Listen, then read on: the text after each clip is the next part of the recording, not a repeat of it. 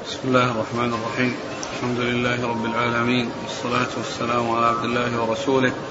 نبينا محمد وعلى آله وصحبه أجمعين. أما بعد فيقول الإمام الحافظ أبو عبد الله بن ماجه القزويني رحمه الله تعالى يقول في سننه باب فضل مكة. قال حدثنا عيسى بن حماد المصري قال أنبانا الليث بن سعد قال أخبرني عقيل عن محمد بن مسلم أنه قال إن أبا سلمة بن عبد الرحمن بن عوف أخبره أن عبد الله بن عدي بن الحمراء رضي الله عنه قال له رأيت رسول الله صلى الله عليه وعلى آله وسلم وهو على ناقته واقف بالحزو بالحزورة. يقول والله إنك لخير أرض الله وأحب أرض الله الي والله لولا أني أخرجت منك ما خرجت. بسم الله الرحمن الرحيم، الحمد لله رب العالمين وصلى الله وسلم وبارك على عبده ورسوله نبينا محمد وعلى آله وأصحابه أجمعين. أما بعد يقول الإمام ابن ماجه رحمه الله باب فضل مكة. مكة والمدينة مدينتان فاضلتان مقدساتان هما أفضل البلاد وأفضل المدينتين مكة ثم تليها المدينة. وخير البقاع هذان البلدان مكة ثم المدينة. وقد جاء ما يدل على فضل مكة وتقديمها على غيرها وتقديمها على المدينة وغيرها وذلك في هذا في أحاديث منها هذا الحديث الذي أورده المصنف وهو أن النبي صلى الله عليه وسلم لما خرج من مكة متجها إلى المدينة في هجرته منها وقف في مكان يقال الحزورة أو الحزورة وقال والله إنك يخاطب مكة إنك خير بلاد إنك خير بلاد الله. وأحب بلاد الله إلى الله. ولولا أنني أخرجت ما خرجت. لولا أنني أخرجت ما خرجت. وهذا واضح الدلالة على أن مكة هي خير البقاع وأنها أفضل البقاع وأنها خير البلاد وأنها أحب البلاد إلى الله. وأنها أحب البلاد إلى الله. فهي خير البلاد وأحب البلاد إلى الله عز وجل. والرسول صلى الله عليه وسلم إنما خرج منها لما أوذي وأخرج فهاجر إلى المدينة وخرج إلى المدينة صلوات الله وسلامه وبركاته عليه. فقوله إنك خير بلاد الله وأحب بلاد الله إلى الله هذا واضح الدلالة بأن مكة خير البلاد وأنها أفضل البلاد وأنها أحب البلاد إلى الله عز وجل. وأما ما يذكر وفي فضل المدينة وتفضيلها على مكة وهو الحديث الذي هو موضوع وغير ثابت عن رسول الله صلى الله عليه وسلم وهو أن النبي عليه الصلاة والسلام قال لما خرج من مكة قال إنك اللهم إنك أخرجتني من أحب البلاد إلي أحب البلاد أخرجتني من أحب البلاد إلي فأسكني أحب البلاد إليك يعني المدينة. فقوله يعني أحب البلاد إلي يعني إن مكة أحب البلاد الرسول صلى الله عليه وسلم. ويطلب منه ويسأله أن يسكنه أحب البلاد إلى الله وهي المدينة. فإن هذا حديث موضوع وغير صحيح وحديث باطل. ومع كونه باطلا وغير صحيح من ناحية أنه موضوع أيضا هو فاسد المعنى. المعنى غير صحيح. لأنه يقتضي أن الأحب إلى الله غير الأحب إلى الرسول صلى الله عليه وسلم. أن الأحب إلى الرسول عليه الصلاة والسلام غير الأحب إلى الله. لأنه قال أحب البلاد إلي يعني مكة ويطلب منه يسكنه أحب البلاد إليه أي المدينة. يعني معناها الأحب إلى الرسول صلى الله عليه وسلم غير الأحب إلى الله وهذا غير صحيح. لأن محبة الرسول صلى الله عليه وسلم تابعة لمحبة الله.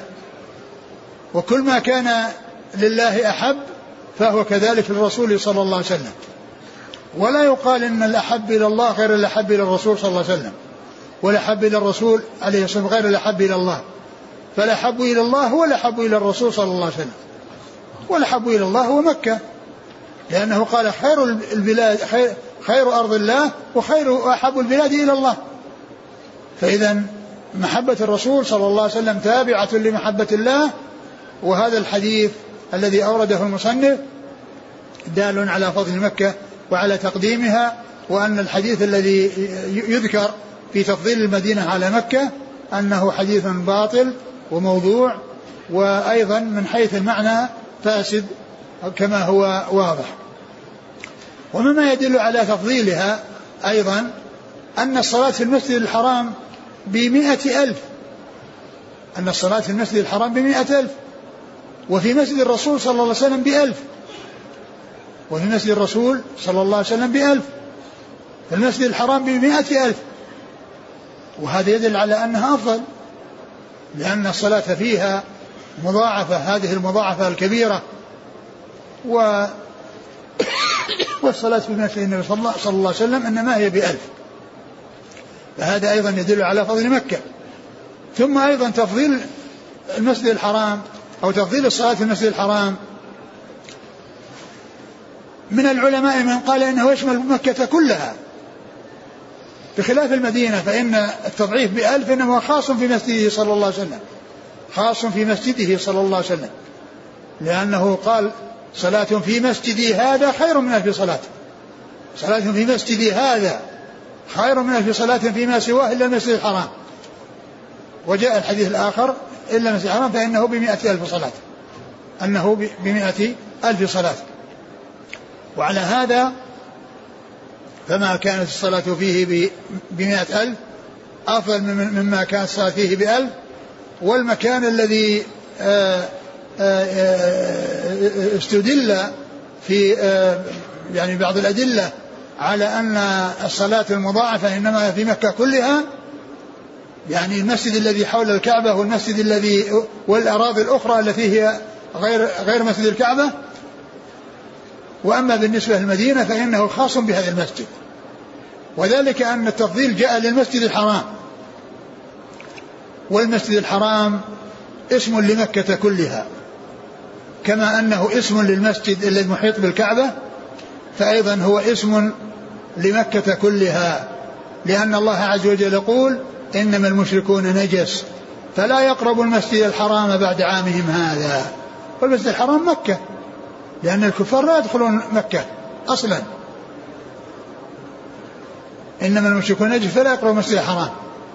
إذا جاء جاء الحديث صلاة صلاة المسجد الحرام بمئة ألف والمسجد الحرام يطلق على مكة كلها لأن هذه الآية واضحة في الدلالة على ذلك لأن الكفار لا يدخل المسجد الحرام الذي هو مكة وكذلك أيضا الرسول صلى الله عليه وسلم أسري به من بيت من بيوت مكة ولم يسر به من المسجد المحيط بالكعبة والله تعالى يقول سبحان الذي أسرى بعبده ليلا من المسجد الحرام فأطلق على مكة كلها أنها مسجد حرام فأطلق على مكة كلها أنها مسجد حرام ولهذا بعض أهل العلم يقول إن الصلاة تضاعف في مكة كلها وأنها بمئة ألف ولكن كما هو معلوم فرق بين من يأتي إلى الكعبة ويطوف بها ويصلي حولها وبين من يصلي في أي مكان بمكة.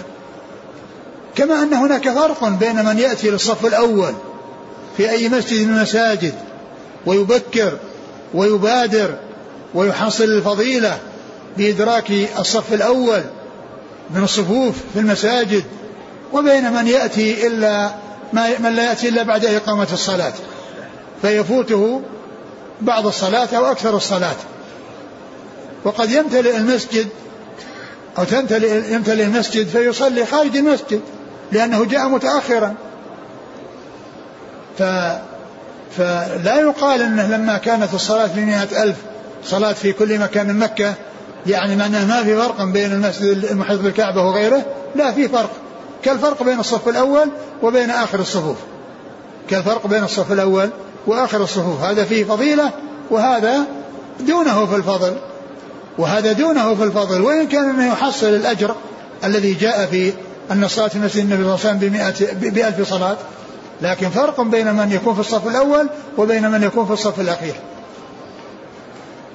هو بألف صلاة لكن ليسوا سواء. من يأتي إلى الصلاة مبكرا و يعني ويجلس في الصف الأول يقرأ القرآن ويصلي ويذكر الله عز وجل. وبين من يؤذن من تقام الصلاة وهو في بيته ثم يأتي المسجد ويدرك شيء من الصلاة. فرق بين هذا وهذا. إذا الحديث الذي معنا والذي أورده المصنف واضح الدلالة في تفضيل مكة على المدينة وأيضا يدل على فضلها ما ذكرته. نعم. قال حدثنا عيسى بن حماد المصري. عيسى بن حماد المصري هو الملقب زغبة وهو ثقة أخرج له مسلم و أبو داود والنسائي وابن ماجه. نعم. عن الليث بن سعد. الليث بن سعد المصري وهو ثقة أخرج أصحاب الكتب. عن عقيل. عن عقيل بن خالد بن عقيل المصري وهو ثقة أخرج أصحاب الكتب. عن محمد بن مسلم. عن محمد مسلم هو هو الزهري. كثيرا ما يأتي الزهري بنسبته وكذلك بالنسبة إلى أحد أجداده هو شهاب فهو مشهور بالزهري ومشهور بابن شهاب مشهور بابن شهاب ومشهور بالزهري. وأحيانا وهذا قليل جدا يأتي باسمه مثل هنا محمد بن مسلم. محمد بن مسلم هو الزهري. لكنه ما جاء أو ما ذكر بما اشتهر به لأنه اشتهر بنسبته الزهري واشتهر بنسبته إلى أحد أجداده وهو ابن شهاب أما كونه يؤتى يأتي محمد مسلم هكذا فهذا قليل جدا. ومحمد مسلم بن عبد الله بن شهاب الزهري ثقة فقيه ثقة فقيه أخرج له أصحاب كتب الستة. عن أبي سلمة بن عبد الرحمن. أبو سلمة بن عبد الرحمن بن عوف وهو ثقة أخرجه أصحاب كتب الستة. عن عبد الله بن عدي بن الحمراء. رضي الله عنه أخرج له. الترمذي والنسائي بن ماجه. نعم. قال رحمه الله حدثنا محمد بن عبد الله بن نمير قال حدثنا يونس بن بكير قال حدثنا محمد بن إسحاق قال حدثنا أبان بن صالح عن الحسن بن مسلم بن يناق عن صفية بنت شيبة رضي الله عنها أنها قالت سمعت النبي صلى الله عليه وسلم يخطب عام الفتح فقال يا أيها الناس إن الله تعالى حرم مكة يوم خلق السماوات والأرض فهي حرام إلى يوم القيامة. لا يعضد شجرها ولا ينفر صيدها ولا يأخذ لقطتها إلا منشد. فقال العباس رضي الله عنه إلا الإذخر فإنه للبيوت والقبور. فقال رسول الله صلى الله عليه وسلم إلا الإذخر. ثم ذكر حديث صفية بن شيبة رضي الله عنها وهي صغيرة قيل لها رؤية وقيل إنها لم تسمع النبي صلى الله عليه وسلم وهنا قال أنها سمعته في هذا الحديث و فإن كانت صغيرة يعني مدركة فتكون سمعت في صغرها وإلا فإنها تروي عن عن عن, عن الصحابة لأن رواية صاغر الصحابة إنما تكون عن أكابر الصحابة. رواية صاغر الصحابة عن أكابر الصحابة. والحديث في إسناده محمد بن إسحاق وصرح بالتحديث ولكنه صدوق وحديثه يعني حسن ولكن الحديث صحيح لأنه جاء يعني في الصحيحين يعني مثل ما جاء يعني بهذا بهذا الحديث بهذا اللفظ الذي عندنا موجود في الصحيحين بهذا المعنى. وكثير منه بهذا اللفظ. فهو الحديث صحيح. وإن كان حديثا حسنا من حيث الإسناد إلا أنه يعتبر صحيحا من حيث أن متنه صحيح وأنه جاء عن رسول الله عليه الصلاة والسلام وهو موجود في صحيح مسلم بهذا اللفظ يعني تقريبا وموجود يعني قريبا من ذلك أيضا في صحيح البخاري. فهذا المتن يعني صحيح ثابت عن رسول الله صلى الله عليه وسلم. وإن كان في في في, في سماع صفية بن شيبة يعني كلام يعني هل هي يعني رواية تروي عن النبي صلى الله عليه وسلم أو أنها تروي عن عن عن غيرها من الصحابة إلا أن المتن هذا صحيح بلا إشكال لأنه جاء مثله في الصحيحين. جاء مثله في الصحيحين. وهو من حديث الإسناد حسن ويكون يعتبر صحيحا لغيره أو صحيحا بغيره يعني مما جاء في الصحيحين. قال إيش الأولى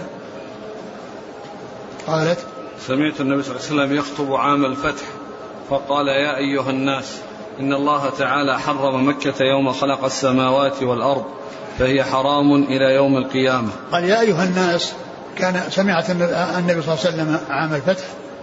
نعم يخطب يقول إن الله حرم مكة يوم خلق السماوات والأرض فهي حرام إلى يوم القيامة. قد جاء في بعض الروايات أن قال إنها أن أنها أحلت لي ساعة من نهار وأنها عادت حرمتها اليوم كما كانت حرمتها بالأمس فهي حرام بحرمة الله إلى يوم القيامة. فهذا جاء في الصحيح. يعني كون الله حرم مكة يوم خلق السماوات والأرض هذا جاء في الحديث الصحيح. في صحيح مسلم. جاء بهذا اللفظ. إن الله حرم مكة يوم خلق السماوات والأرض. الفهي حرام بحرمة الله إلى يوم القيامة. يعني حرمتها مستمرة من حين خلق الله السماوات والأرض إلى يوم القيامة. إلى يوم القيامة. و ولا يحل القتال فيها وقد أحل للرسول صلى الله عليه وسلم عام الفتح ثم إنه آه، بعد ذلك يعني آه، عادت حرمتها فلم تحل لأحد بعده كما أنها لم تحل لأحد قبله فلا تحل لأحد بعده. صلوات الله وسلامه وبركاته عليه. نعم.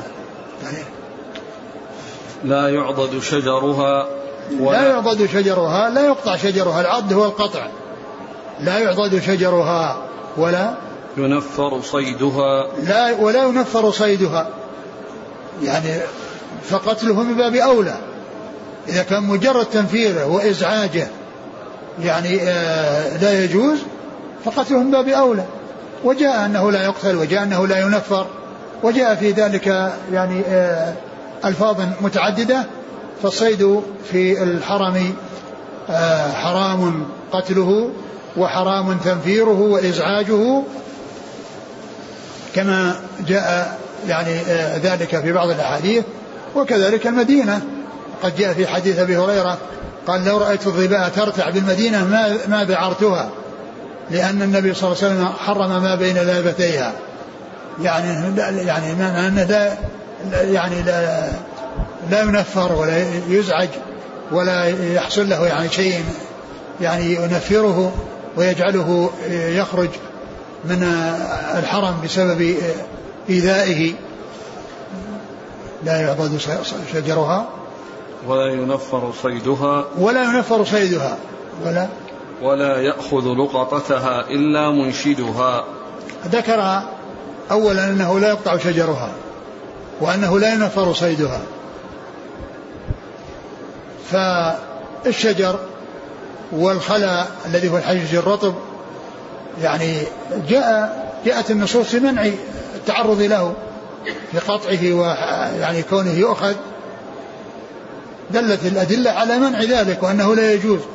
ولعل الحكمة في هذا أن الله لما جعل الصيد آمنا في الحرم وأنه إذا دخل فإنه يكون آمنا وأنه لا يزعج ولا ينفر ولا يقتل فالله تعالى حرم قطع الشجر ليكون عنده طعامه وقوته.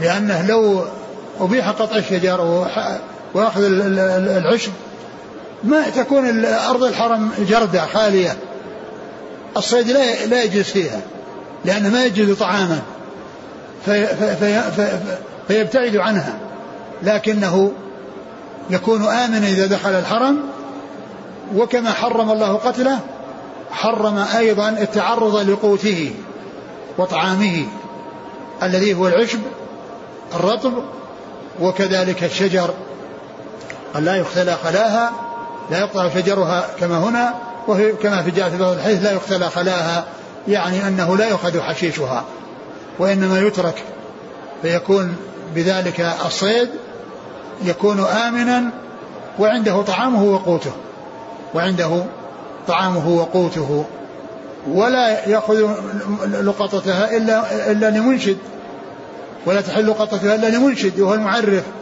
الذي يعرف دائما. وهذا بخلاف البلاد الأخرى يعني المدينة مثل مكة في هذا الحكم. لا يقتل الصيد ولا يقطع الشجر ولا تلتقط اللقطة إلا لمنشد. ولا تلتقط اللقطة إلا لمنشد. غير مكة والمدينة الحكم يختلف.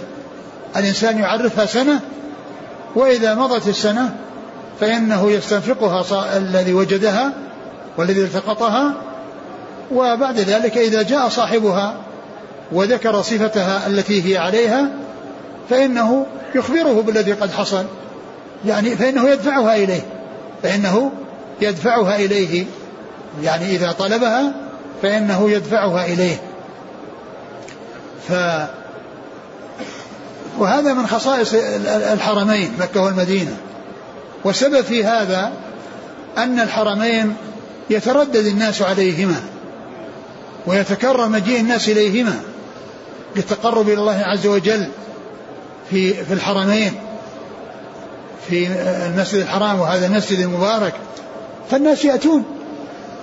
يأتون للحج والعمرة ويأتون لزيارة هذا المسجد المبارك في هذه المدينة الطيبة.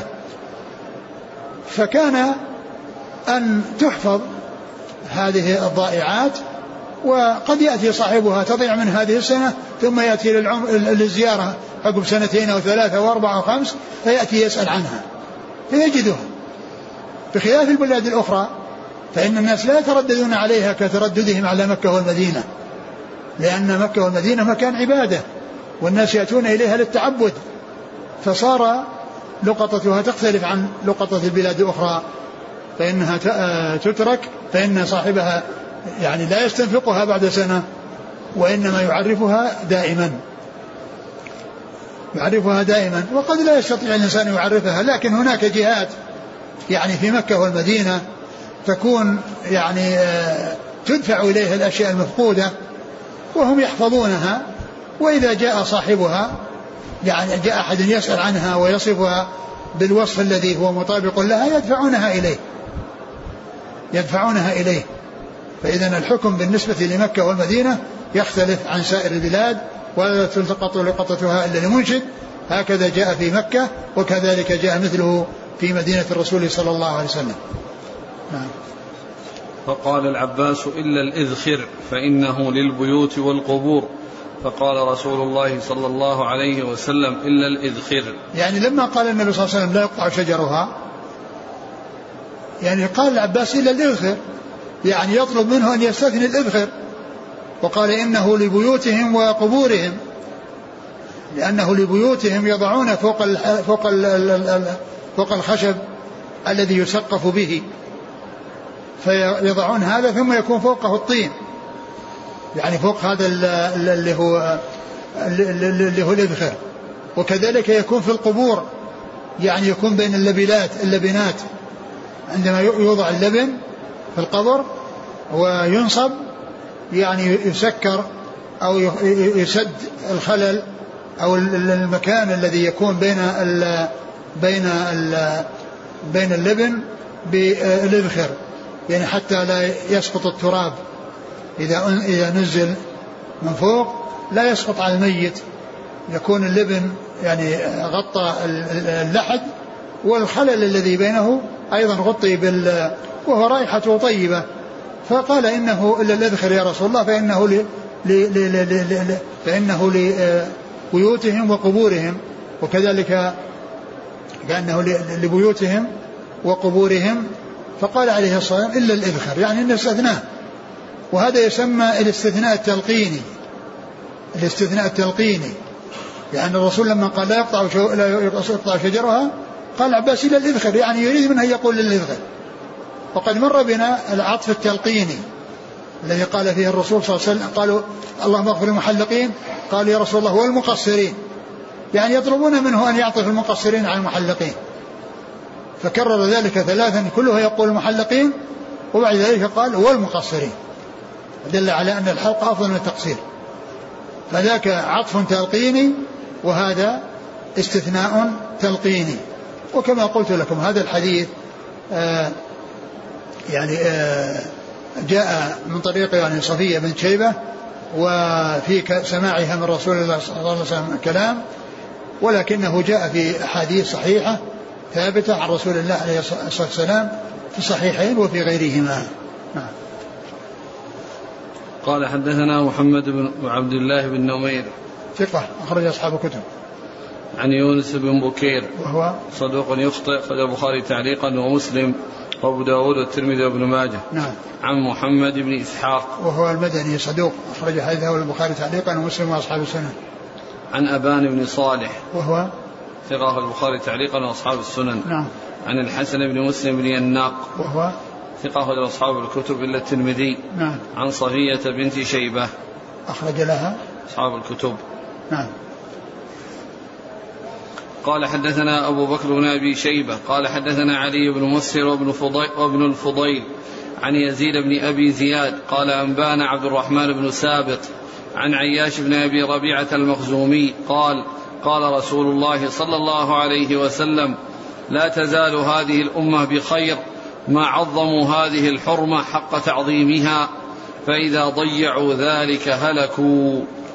ثم ذكر هذا الحديث عن عن عن ابن أبي عياش. عياش بن أبي ربيعة. عياش بن أبي ربيعة. أن النبي صلى الله عليه وسلم قال ما تزال هذه الأمة بخير ما عظموا هذه الحرمة فاذا فاذا ضيعوا ذلك هلكوا. فإذا ضيعوا ذلك هلكوا. يعني حفظ هذه الحرمة يعني ال ال التي حرمها الله عز وجل والتي جعلها شعائر يعني تحترم وتعظم. فإذا يعني آه، ضيعوها ولم يعظموها فإنه يحصل هلاك يعني هلاك هذه الأمة. والحديث في إسناده يزيد بن أبي زياد وهو ضعيف. نعم. قال حدثنا أبو بكر بن أبي شيبة. ثقة أخرج أصحاب الكتب إلا الترمذي. عن علي بن مسهر. ثقة أخرج أصحاب الكتب. وابن فضيل. صدوق أخرج أصحاب الكتب. عن يزيد بن أبي زياد. وهو ضعيف أخرج له. البخاري تعليقا ومسلم وأصحاب السنن. نعم. عن عبد الرحمن بن سابق. وهو؟ ثقة أخرج له مسلم وأبو داود والترمذي والنسائي في عمل يوم والليلة وابن ماجه. نعم. عن عياش بن أبي ربيعة. رضي الله عنه أخرج له. ابن ماجه. نعم. قال رحمه الله تعالى باب فضل المدينة. قال حدثنا أبو بكر بن أبي شيبة. قال حدثنا عبد الله بن نمير. وأبو أسامة عن عبيد الله بن عمر عن خبيب بن عبد الرحمن عن حفص بن عاصم عن أبي هريرة رضي الله عنه أنه قال قال رسول الله صلى الله عليه وعلى آله وسلم إن الإيمان ليأرز إلى المدينة كما تأرز الحية إلى جحرها. ثم ذكر فضل المدينة بعدما ذكر فضل مكة ذكر فضل المدينة. ورد حديث أبي هريرة رضي الله عنه أن النبي صلى الله عليه وسلم قال إن الإيمان ليأرز إلى المدينة كما تأرز الحية إلى جحرها. وهذا فيه دلالة على أن الإيمان يعني الناس يعني يأتي الناس إلى المدينة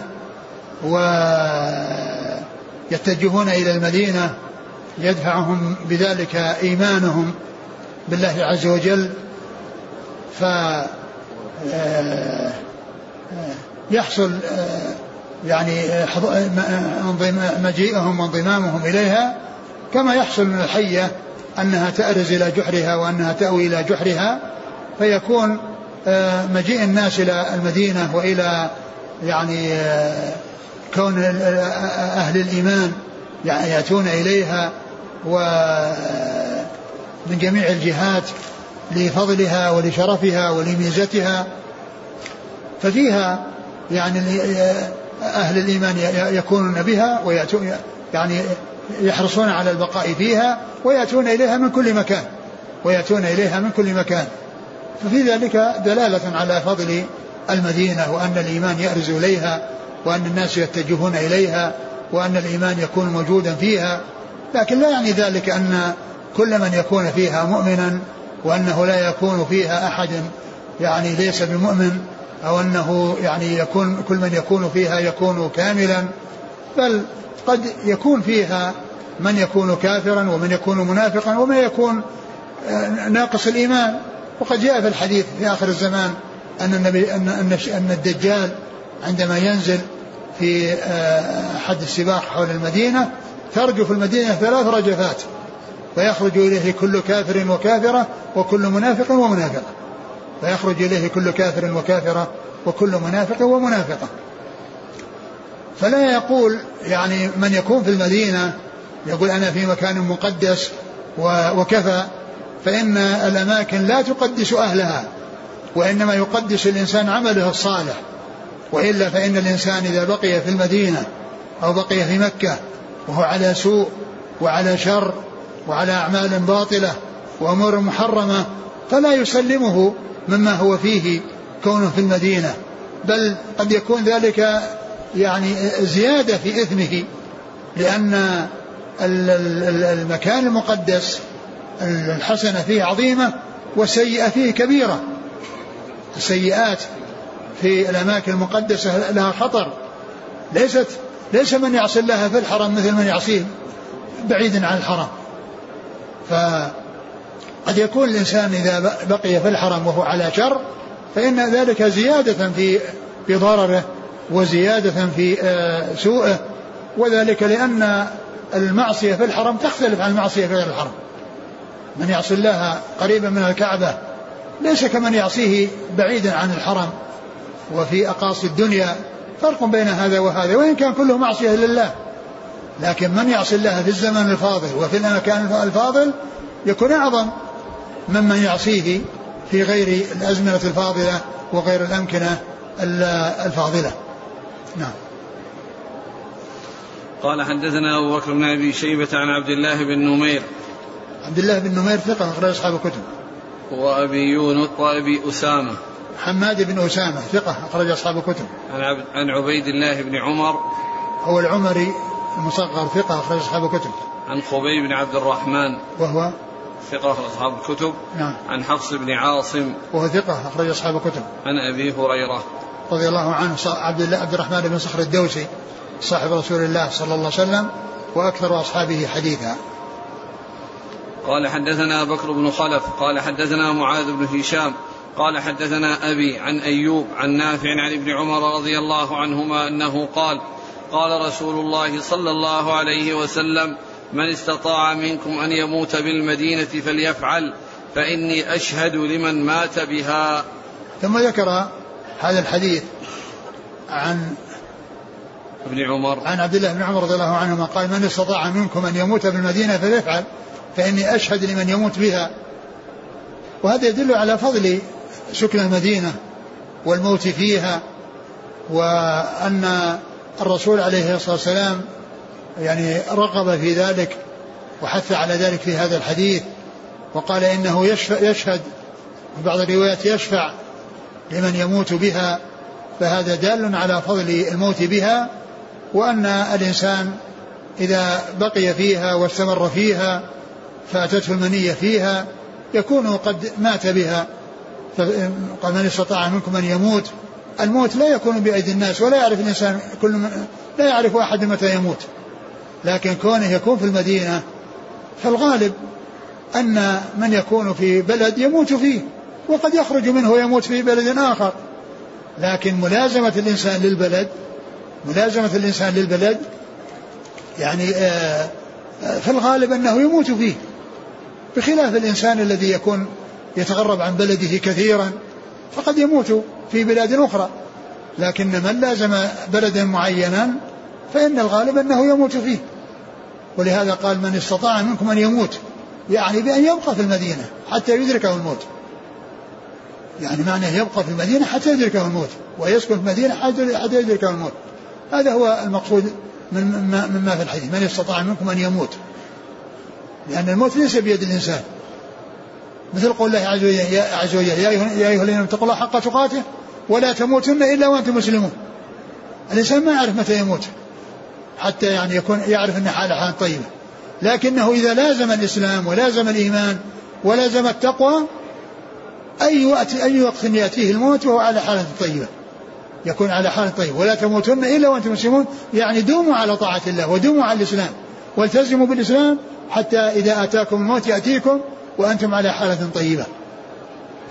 ولهذا جاء في الحديث عن النبي صلى الله عليه وسلم أنه قال أحب العمل إلى الله ما داوم عليه صاحبه وإن قل. لأن الإنسان إذا داوم على شيء فهو على خير. وقد يوافيه الأجل وهو على خير. وقليل يداوم عليه الإنسان خير من كثير ينقطع عنه الإنسان. قد يكون الإنسان يجتهد في وقت من الأوقات ويهمل في أوقات. فقد يأتيه الموت في وقت الإهمال. لكن إذا كان ملازما لأعمال صالحة ولو كانت قليلة والمقصود ذلك التطوعات وأما الفرائض هذه لابد منها. لكن كون الإنسان يلازم على شيء يعني في من العبادات يعني من الصلوات من الصيام بحيث يعني يعني يحصل منه ملازمة للعبادة ولو كانت قليلة فإن هذا من أحب العمل إلى الله. أحب العمل إلى الله ما داوم عليه صاحبه ولو قل. لأن قليلا تدوم عليه خير من كثير تنقطع عنه. نعم. قال حدثنا بكر بن خلف. هو؟ صدوق في البخاري تعليقا وابو داود بن ماجه. نعم. عن معاذ بن هشام. صدوق. أخرج. أصحاب الكتب. نعم. عن أبيه. هشام الدستوائي ثقة أخرج أصحاب الكتب. عن أيوب. أيوب بن أبي تميمة ثقة أخرج أصحاب الكتب. عن نافع عن ابن عمر. نافع مولى بن عمر ثقة أخرج أصحاب الكتب. عبد الله بن عمر رضي الله عنهما أحد العباد الأربعة من الصحابة وأحد السبعة المكثرين من حديث رسول الله صلى الله عليه وسلم. قال حدثنا أبو مروان محمد بن عثمان العثماني. قال حدثنا عبد العزيز بن أبي حازم عن العلاء بن عبد الرحمن عن أبيه عن أبي هريرة رضي الله عنه أن النبي صلى الله عليه وعلى آله وسلم قال اللهم إن إبراهيم عليه الصلاة والسلام خليلك ونبيك وإنك حرمت مكة على لسان إبراهيم عليه الصلاة والسلام. اللهم وأنا عبدك ونبيك وإني أحرم ما بين لابتيها. قال أبو مروان لابتيها حرتي المدينة. ثم ذكر هذا الحديث الذي فيه يعني أن أن إبراهيم يعني حرم مكة وأن الله حرم مكة على لسان إبراهيم وأنه يحرم ما بين لابتيها أي الرسول صلى الله عليه وسلم. الله تعالى هو الذي حرم مكة وحرم المدينة. التحريم هو من الله. ولكن آه التحريم الذي أضيف إلى إبراهيم لأنه هو الذي جاء به من عند الله وجاء يعني على لسانه. بأمر الله عز وجل له وكذلك بالنسبة للرسول صلى الله عليه وسلم كما جاء في حديث آخر يعني أن إبراهيم حرم مكة وإني, وإني حرمت المدينة يعني أن الله أن إبراهيم أظهر حرمتها وأن الله هو الذي حرم المدينتين ولكن مكة أظهر الله أظهر حرمتها إبراهيم والمدينة أظهر حرمتها محمد صلى الله عليه وسلم. فالبلدان محرمان والله تعالى حرمهما لأن التحريم هو من الله هو الذي جعل هذا حرما وجعل هذا حرما ولكن أظهر هذه الحرمة وبلغها إبراهيم بالنسبة لمكة. وبالنسبة للمدينة رسول الله صلى الله عليه وسلم. الله اللهم إيش؟ الحديث؟ اللهم إن إبراهيم خليلك ونبيك. نعم. وإنك حرمت مكة على لسان إبراهيم.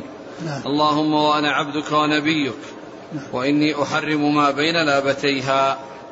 وقد يعني هنا قال على لسان إبراهيم وقد جاء في صحيح مسلم أنه قال حرم المدينة على لساني على لساني يعني أنه هو الذي أظهر الحرمة صلى الله عليه وسلم بالنسبة للمدينة وإبراهيم هو الذي أظهر الحرمة بالنسبة لمكة والتحريم كله من الله عز وجل.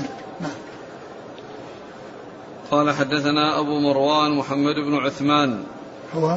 صدوق يخطئ أخرجه النسائي في الخصائص وابن ماجه. نعم.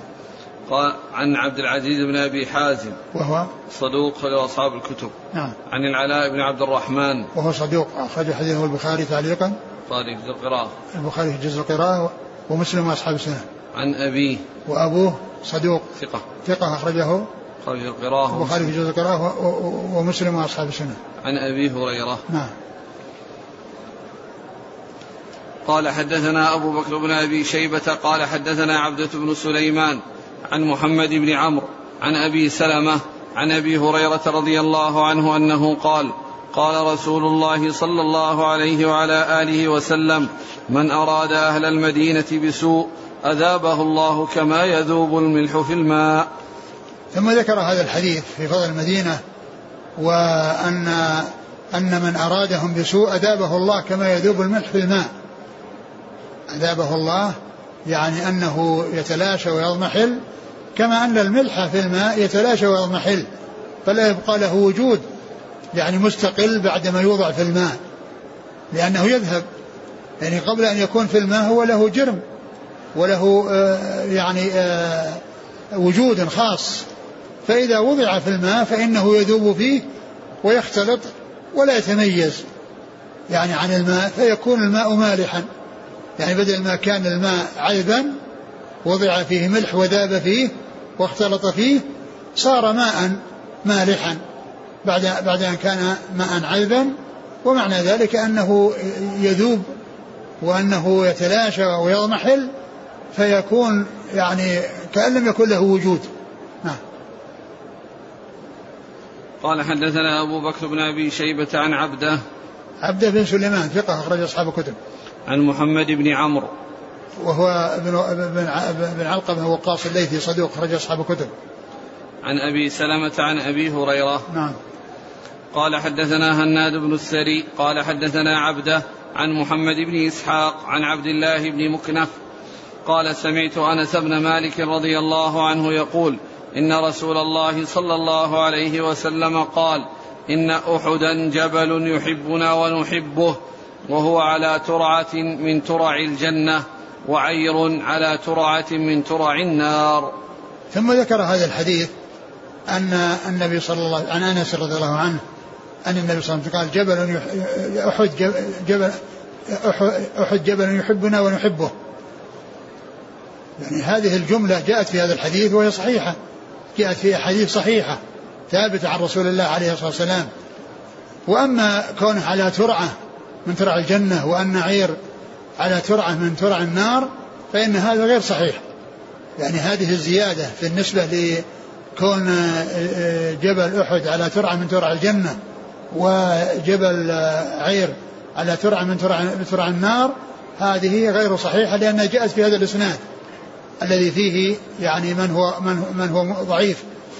وأما قضية جبل الجملة الأولى وهي أن احد جبل يحبنا ويحبه هذه ثابتة عن رسول الله عليه الصلاة والسلام في أحاديث صحيحة. وأما الزيادة التي فيه جاءت في هذا الحديث فهي غير ثابتة وغير صحيحة. قال حدثنا هناد بن السري. ثقة أخرجه البخاري في خلق أفعال العباد ومسلم وأصحاب السنة. عن عبدة عن محمد بن إسحاق عن عبد نعم مر ذكره عن عبد الله بن مكنف وهو؟ مجهول أخرجه ابن ماجه. نعم. عن أنس بن مالك. رضي الله عنه وهو أحد السبعة خادم رسول الله صلى الله عليه وسلم وأحد السبعة المكثرين من حديثه. وقد قيل إن أيضا أن عبد الله بن مكنف هذا لم يسمع أو يعني عن من أنس فيكون فيه أيضا الانقطاع. مع جهالته أيضا فيه انقطاع بينه وبين أنس فالحديث غير صحيح وأما الجملة الأولى فإنها صحيحة. نعم. إذا لفظة السماع. نعم. إيش قال لفظة السماع؟ إيه. قال سمعته؟ نعم. لا هذا يعني قيل انه انها إنه غير صحيح لأن قيل إنه لم يسمع منه. قال البصيري هذا إسناد ضعيف لتدليس ابن إسحاق. نعم. وشيخ عبد الله بن مكنف. قال البخاري في حديثه نظر وقال ابن حبان لا أعلم له سماعا من أنس. لا يجوز الاحتجاج به. قلت قد صرح عبد الله بن مكنف في رواية ابن ماجه هذه بسماعه من أنس. فزال ما كنا نخشاه من قول ابن حبان لا أعلم له سماعا من أنس. رواه الشيخان والترمذي مقتصرين على الجملة الأولى منه. قد صح عن النبي صلى الله عليه وسلم من طريق جماعة من الصحابة أنه قال لأحد هذا جبل يحبنا ونحبه والزيادة على هذا عند الطبراني غريبة جدا. رواه البزار والزيادة على هذا عند الطبراني غريبة جدا. نعم. زيادة على, يعني سرعة. نعم. ورواه البزار والطبراني في الكبير والأوسط من هذا الوجه بهذه الزيادة. نعم. قال رحمه الله تعالى باب مال الكعبة. قال حدثنا أبو بكر بن أبي شيبة قال حدثنا المحاربي عن الشيباني عن واصل الأحدب عن شقيق أنه قال بعث رجل معي بدراهم هدية إلى البيت. قال فدخلت البيت وشيبة رضي الله عنه جالس على كرسي فناولته إياها فقال له ألك هذه؟ قلت لا ولو كانت لي لم آتك بها. قال أما لئن قلت ذلك لقد جلس عمر بن الخطاب مجلسك الذي جلست فيه فقال لا أخرج, لا أخرج حتى أقسم مال الكعبة بين فقراء المسلمين. قلت ما أنت بفاعل؟ قال لأفعلن. قال ولم ذاك؟ قلت لأن النبي صلى الله عليه وسلم قد رأى مكانه وأبو بكر رضي الله عنهما وهما أحوج منك إلى المال فلم يحركاه فقام كما هو فخرج. ثم ذكر باب مال الكعبة يعني المال الذي للكعبة وهو يعني ما يعني يهدى إليها وما يدفع من أجلها فإنه يكون لها. وأورد في هذا الحديث عن عن عن عن عن, عن شيبة ابن عثمان الحجبي الذي هو سادن الكعبة وهو لصفية بنت شيبة التي مرت في الحديث السابق. هو صفية بنت شيبة هذا أبوها شيبة بن عثمان الحجبي الذي هو أحد الذي هو سادن الكعبة. يقول شقيق بن سلمة أبو وائل أنه أتي بدراهم يعني للكعبة فجاء بها وجد عثمان آه، شيبة بن عثمان جالسا على كرسي فأعطاه إياها وقال هذه ألك هذه يعني أنها منك قالت لو كانت لي لا لم آتك بها. قيل المقصود من ذلك أنه أن أن الكعبة ليست بحاجة إليها. الكعبة ليست بحاجة إليها. يعني لو كانت لي ما أتيت بها. يعني ما لكنها مرسلة معي فأنا أديت الأمانة وبلغت الرسالة التي أرسلت معي إلى إلى إلى من أرسلت إليه.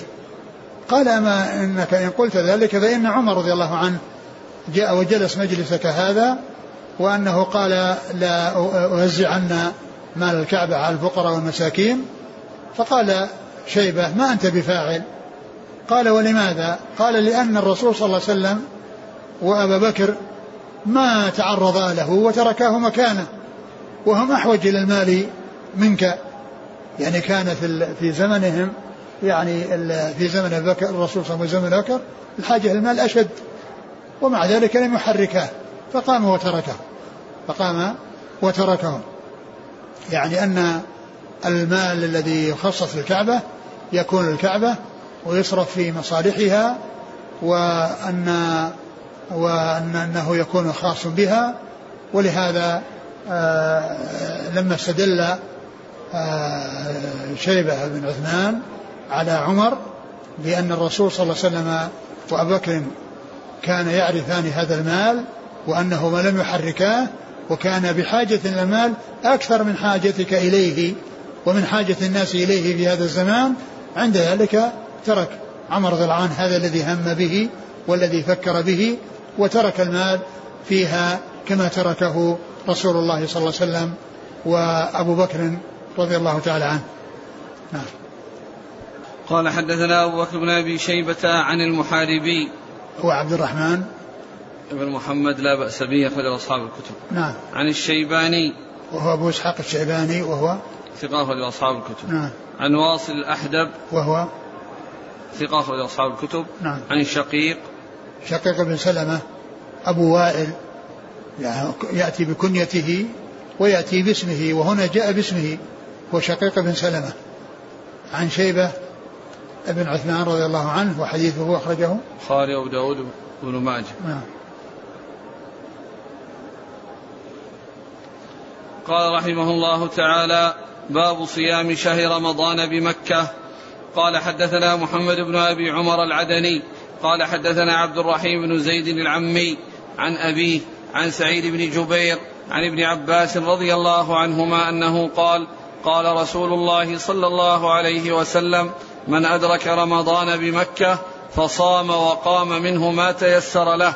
كتب الله له مئة ألف شهر رمضان فيما سواها. وكتب الله له بكل يوم عتق رقبة وكل ليلة عتق رقبة وكل يوم حملان فرس في سبيل الله وفي كل يوم حسنة وفي كل ليلة حسنة. ثم ذكر فضل صيام رمضان بمكة وذكر في هذا الحديث الضعيف الذي لا يثبت عن رسول الله صلى الله عليه وسلم فهو فيه فضائل عظيمة وكثيرة ولكنه غير صحيح. حديث ضعيف غير ثابت عن رسول الله صلى الله عليه وسلم فلا حجة فيه. نعم. قال حدثنا محمد بن أبي عمر العدني. هو صدوق أخرج هذا مسلم و الترمذي والنسائي بن ماجه. نعم. عن عبد الرحيم بن زيد العمي. وهو متروك. رجل ابن ماجه. نعم. عن أبيه. وهو ضعيف. رجل أصحاب السنن. نعم. عن سعيد بن جبير عن ابن عباس. سعيد بن جبير ثقة أخرج أصحاب الكتب وابن عباس عبد الله بن عباس. ابن عبد المطلب بن عم النبي صلى الله عليه وسلم وأحد العباد الأربعة من أصحابه الكرام وواحد السبع المكثرين من حديث رسول الله صلى الله عليه وسلم. والحديث فيه متروك وضعيف. فيه عبد الرحيم بن زيد العمي متروك وأبوه زيد ضعيف. قال رحمه الله تعالى باب الطواف في مطر. قال حدثنا محمد بن أبي عمر العدني. قال حدثنا داود بن عجلان. قال طفنا مع أبي عقال في مطر. فلما قضينا طوافنا أتينا خلف المقام فقال طفت مع أنس بن مالك رضي الله عنه في مطر. فلما قضينا الطواف أتينا المقام فصلينا ركعتين. فقال لنا أنس ائتنفوا العمل فقد غفر لكم. هكذا قال لنا رسول الله صلى الله عليه وسلم وطفنا معه في مطر.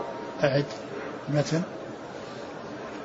عن داود بن عجلان قال طفنا مع أبي عقال في مطر فلما قضينا طوافنا أتينا خلف المقام فقال طفت مع أنس بن مالك في مطر فلما قضينا الطواف أتينا المقام فصلينا ركعتين فقال لنا أنس ائتنفوا العمل فقد غفر لكم. هكذا قال لنا رسول الله صلى الله عليه وسلم وطفنا معه في مطر. ثم ذكر باب الطواف في المطر. يعني أن لفضيلة لكنها فضيلة غير ثابتة. فضيلة غير ثابتة وهي أنهم يعني أنس بن مالك وطفنا مع النبي صلى الله عليه وسلم في مطر والمطر يمطر وهم يطوفون ثم إنهم صلوا خلف المقام ركعتين وقال اعتنفوا العمل فقد غفر لكم. يعني معناه أن ما مضى قد غفر لكم بسبب هذا الطواف بهذا المطر وأنكم يعني يعني آه، تعملون أعمال وتأتون بأعمال آه، تتقربون بها الله عز وجل وما سبق لكم من خطايا فقد غفرت لكم. ولكن الحديث غير صحيح لأن لأن فيه من لا يحتج به. نعم. قال حدثنا محمد بن أبي عمر العدني عن داود بن عجلان وهو؟ ضعيف رجل ابن ماجه. نعم. عن أبي عقال وهو؟ متروك رجل نعم. ابن ماجه. نعم. عن أنس بن مالك. نعم رضي الله عنه. وهذا فيه مثل الذي قبله ضعيف ومتروك. نعم. قال رحمه الله تعالى باب الحج ماشيا. قال حدثنا إسماعيل بن حفص الأبلي. قال حدثنا يحيى بن يمان عن حمزة بن حبيب الزيات عن حمران بن أعين عن أبي الطفيل رضي الله عنه عن أبي سعيد رضي الله عنه أنه قال حج النبي صلى الله عليه وسلم وأصحابه مشاة من المدينة إلى مكة وقال اربطوا أوساطكم بازركم ومشى خلط الهرولة. وأعد. عن أبي سعيد قال حج النبي صلى الله عليه وسلم وأصحابه مشاة من المدينة إلى مكة وقال اربطوا أوساطكم بأزركم ومشى خلط الهرولة. ثم ذكر آه الحج ماشيا. الحج ماشيا والحج, والحج راكبا. جاء ما يدل على فضل الحج راكبا بفعله صلى الله عليه وسلم فإنه حج راكبا. وأما بالنسبة للمشي فقد استدل بعض أهل العلم على تفضيله على الركوب لأنه لما ذكر الذين يأتون للحج أن فيهم المشاة وفيهم الركبان قدم المشاة على الركبان في الذكر. قالوا فلما قدموا في الذكر دل على أن المشي ماشيا الحج ماشيا أفضل. لأن الله قال وأذن في الناس بالحج يأتوك رجالا. رجالا يعني جمع راجل وهو الذي يمشي على رجليه. يأتوك رجالا جمع راجل وليس جمع رجل وإنما هو جمع راجل يعني الذي يمشي وهو مقابل الراكب. يأتوك رجالا وعلى كل ضامر يأتينا من كل فج عميق. قالوا فقدم الراجلون على الراكبين. فالتقديم يدل على التفضيل. والقول الآخر أن الركوب هو الأفضل لأن النبي صلى الله عليه وسلم فعله. والذي فعله رسول الله صلى الله عليه وسلم هو الأكمل وهو الأفضل فهو أفضل من المشي. أفضل من المشي لفعله صلى الله عليه وسلم. ولو كان المشي أفضل لا فعله رسول الله صلى الله عليه وسلم وترك الركوب. فإذا آه تقديم المشاة على الراكبين في الآية لا يدل على تفضيل المشاة أو تفضيل الحج ماشيا على الركوب على الركوب. وذكر هذا الحديث الذي قال الذي فيه الذي فيه ذكر المشي والرسول عليه الصلاة والسلام كما هو معلوم لم يحج ماشيا وإنما حج راكبا. ولا شك أن أصحابه معه منهم المشاة ومنهم الركبان. كما جاء في حديث جابر الطويل في صحيح في الصحيح الذي في عند ابن ماجه وعند مسلم. يقول جابر فلما يعني جاء البيداء نظرت يعني أمامه ويمينه وشماله ومن وراءه مد البصر ما بين راكب وماشي. ما بين راكب وماشي. فقد كانوا مشاة وركبانا مع رسول الله صلى الله عليه وسلم والنبي صلى الله عليه وسلم كان راكبا. والمشاة معلوم أنه في الغالب أنه ما حصل لهم أنهم الركوب أو ما يعني ما عندهم شيء يركبونه. فحجوا مشاة مع رسول الله صلى الله عليه وسلم. أورد هذا الحديث قال قال حج النبي صلى الله عليه وسلم وأصحابه مشاة من المدينة إلى مكة. وقال اربطوا أوساطكم بأزوركم. يعني يعني الذين يمشون يعني أصحابه مشاة يعني آه، قال اربطوا أوساطكم بأزركم. يعني معناه حتى يكون أسرع انشط لهم يعني في الحركة وفي الهرولة إذا كان الانسان شد بطنه يكون أهيأ له يعني من حيث الإسراع والهرولة. وكان يعني يحصل الهرولة أحيانا والمشي أحيانا. يعني ليس كله هرولة وليس كله مشي وإنما مشي أحيانا وهرولة أحيانا. مشي أحيانا وهرولة أحيانا. لكن الحديث غير صحيح غير ثابت يعني هذا الحديث غير ثابت. والذي ثبت أن الرسول صلى الله عليه وسلم حج راكبا وأن أصحابه منهم المشاة ومنهم الركبان.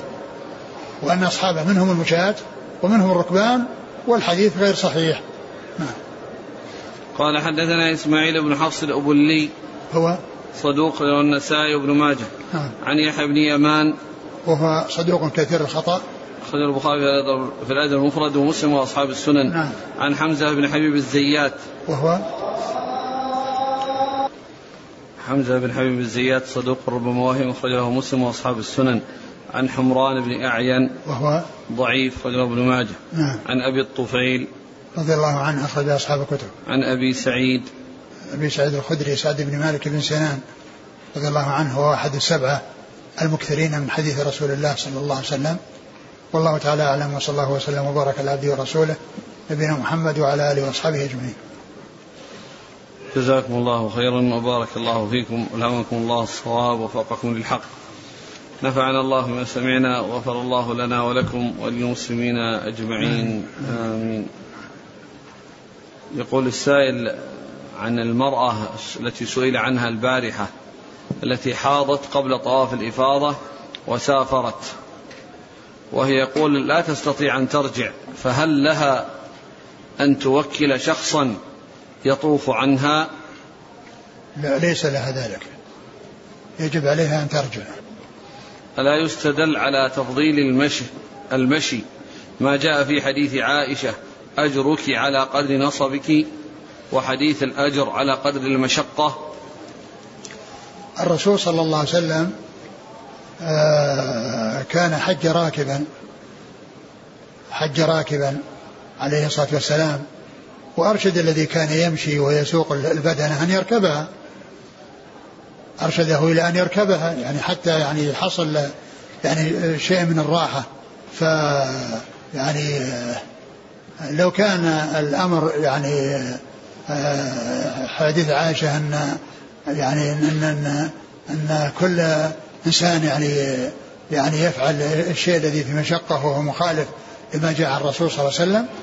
يعني الأصل هو أن ما فعله الرسول صلى الله عليه وسلم هو الأصل الذي يعول عليه. ولا يقال أنه يترك ما فعله الرسول صلى الله عليه وسلم ويؤتى بغيره من أجل ما جاء في حديث عائشة.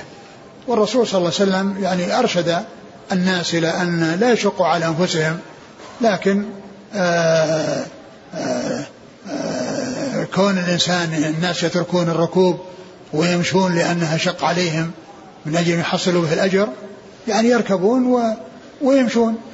ومن حصل الركوب فإن فإنه مقتدي بالرسول صلى الله عليه وسلم والرسول صلى الله عليه وسلم هو أكمل الناس أجرا وأعظمهم ثوابا وهو القدوة والأسوة آه، صلى الله عليه وسلم.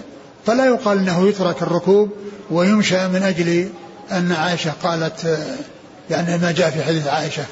وإنما هذا يدل على فضل التعب وأن أن الجنة حفت بالمكاره والنار حفت بالشهوات لكن لا يعني ذلك أن الإنسان يترك ما حل الله له وما كان قدوته فيه رسول الله صلى الله عليه وسلم من أجل أن يشق على نفسه.